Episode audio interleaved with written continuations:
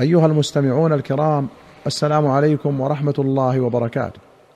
في كتاب النكاح باب الطلاق أخرج البخاري رحمه الله عن معقل بن يسار رضي الله عنه قال كانت لي أخت تخطب إلي وأمنعها من الناس فأتاني ابن عم لي فأنكحتها إياه فاصطحبا ما شاء الله ثم طلقها طلاقا له رجعة ثم تركها حتى انقضت عدتها فلما خطبت إلي أتاني يخطبها مع الخطاب.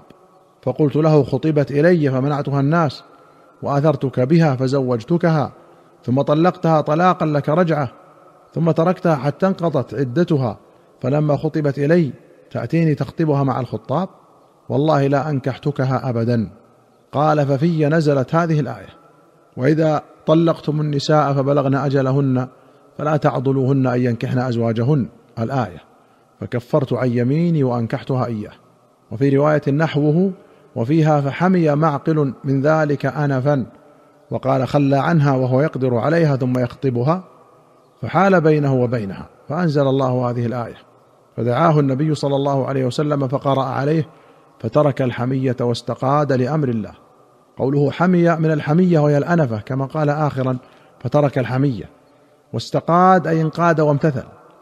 قال ابن حجر وقد أجمعوا على أن الحر إذا طلق الحرة بعد الدخول بها تطليقة أو تطليقتين فهو أحق برجعتها ما دامت في العدة ولو كرهت المرأة. فإن لم يراجع حتى انقضت العدة صارت أجنبية فلا تحل له إلا بنكاح جديد. واختلفوا بما تكون الرجعة. فقال الأوزاعي إذا جامعها فقد راجعها. وجاء ذلك عن بعض التابعين. وبه قال مالك وإسحاق بشرط أن ينوي به الرجعة. وقال الكوفيون كالأوزاعي وزادوا ولو لمسها بشهوة. وقال الشافعي لا تكون الرجعة إلا بالكلام. وأخرج أحمد وابن ماجة والترمذي والنسائي وابن حبان والطبراني في الكبير والحاكم والبيهقي في السنن بسند حسن عن ابن عمر رضي الله عنهما. قال كانت تحتي امرأة أحبها وكان عمر يكرهها. فقال لي طلقها فأبيت.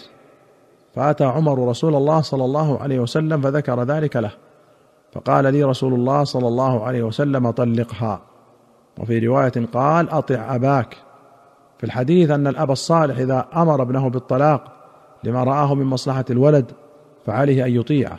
حكاه ابن تيمية عن الإمام أحمد وغيره.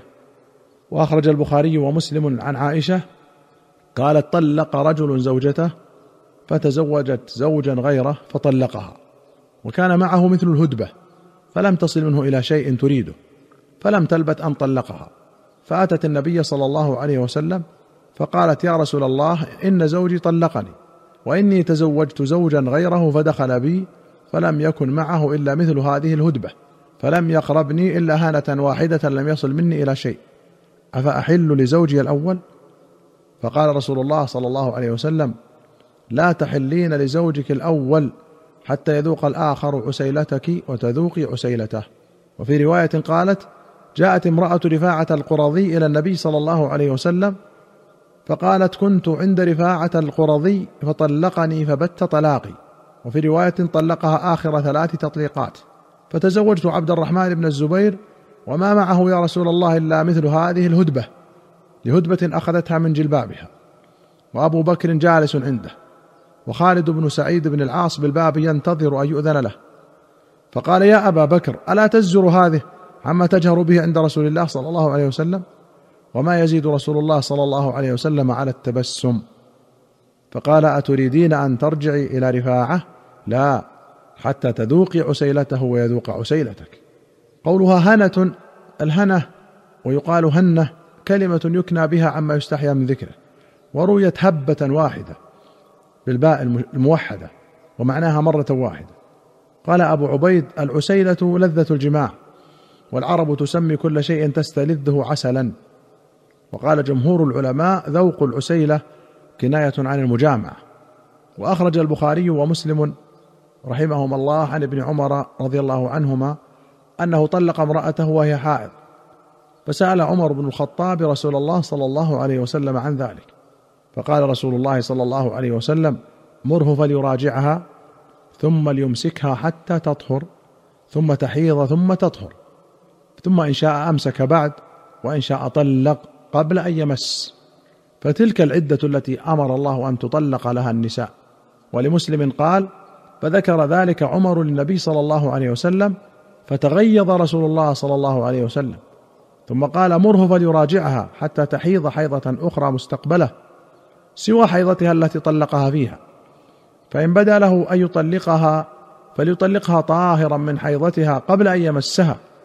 فذلك الطلاق للعدة كما أمر الله. وكان عبد الله طلقها تطليقة واحدة فحسبت من طلاقها. وراجعها عبد الله كما أمره رسول الله صلى الله عليه وسلم. وللبخاري قال ابن عمر حسبت علي بتطليقة. ولمسلم أنه طلق امرأة له وهي حائض تطليقة واحدة وذكر نحوه وقال في آخره وكان عبد الله إذا سئل عن ذلك قال لأحدهم أما انت طلقت امرأتك مرة أو مرتين فإن رسول الله صلى الله عليه وسلم أمرني بهذا وإن كنت طلقتها ثلاثا فقد حرمت عليك حتى تنكح زوجا غيرك وعصيت الله فيما أمرك به من طلاق امرأتك. قال مسلم جود الليث في قوله تطليقة واحدة. وفي أخرى له عن أنس بن سيرين قال سألت ابن عمر عن امرأته التي طلق فقال طلقتها وهي حائض فذكر ذلك لعمر فذكره للنبي صلى الله عليه وسلم فقال مره فليراجعها فإذا طهرت فليطلقها لطهرها فراجعتها ثم طلقتها لطهرها قلت فاعتددت بتلك التطليقة التي طلقتها وهي حائض؟ قال ما لي لا أعتد بها وإن كنت عجزت واستحمقت قال ابن تيمية إن طلقها في الحيض أو طلقها بعد أن وطئها وقبل أن يتبين حملها فهذا الطلاق محرم ويسمى طلاق البدعة وهو حرام بالكتاب والسنة والإجماع. وهذا الطلاق المحرم هل يقع أو لا يقع؟ سواء كانت واحدة أو ثلاثا فيه قولان معروفان للسلف والخلف. وأخرج البخاري عن مسروق قال ما أبالي خيرت امرأتي واحدة أو مائه أو الفا. بعد أن تختارني. ولقد سألت عائشة فقالت خيرنا رسول الله صلى الله عليه وسلم أفكان ذلك طلاقا؟ وفي رواية قالت خيرنا رسول الله صلى الله عليه وسلم فاخترناه فلم يعد ذلك علينا شيئا. قال الحافظ ابن حجر وبقول عائشة المذكور يقول جمهور الصحابة والتابعين وفقهاء الأمصار وهو أن من خير زوجته فاختارته لا يقع عليه بذلك طلاق. لكن اختلفوا فيما إذا اختارت نفسها. هل يقع طلقة واحدة رجعية أو بائنا أو يقع ثلاثا؟ ثم فصل في ذلك. أيها المستمعون الكرام إلى هنا نأتي إلى نهاية هذه الحلقة. حتى نلقاكم في حلقة قادمة إن شاء الله. نستودعكم الله. والسلام عليكم ورحمة الله وبركاته.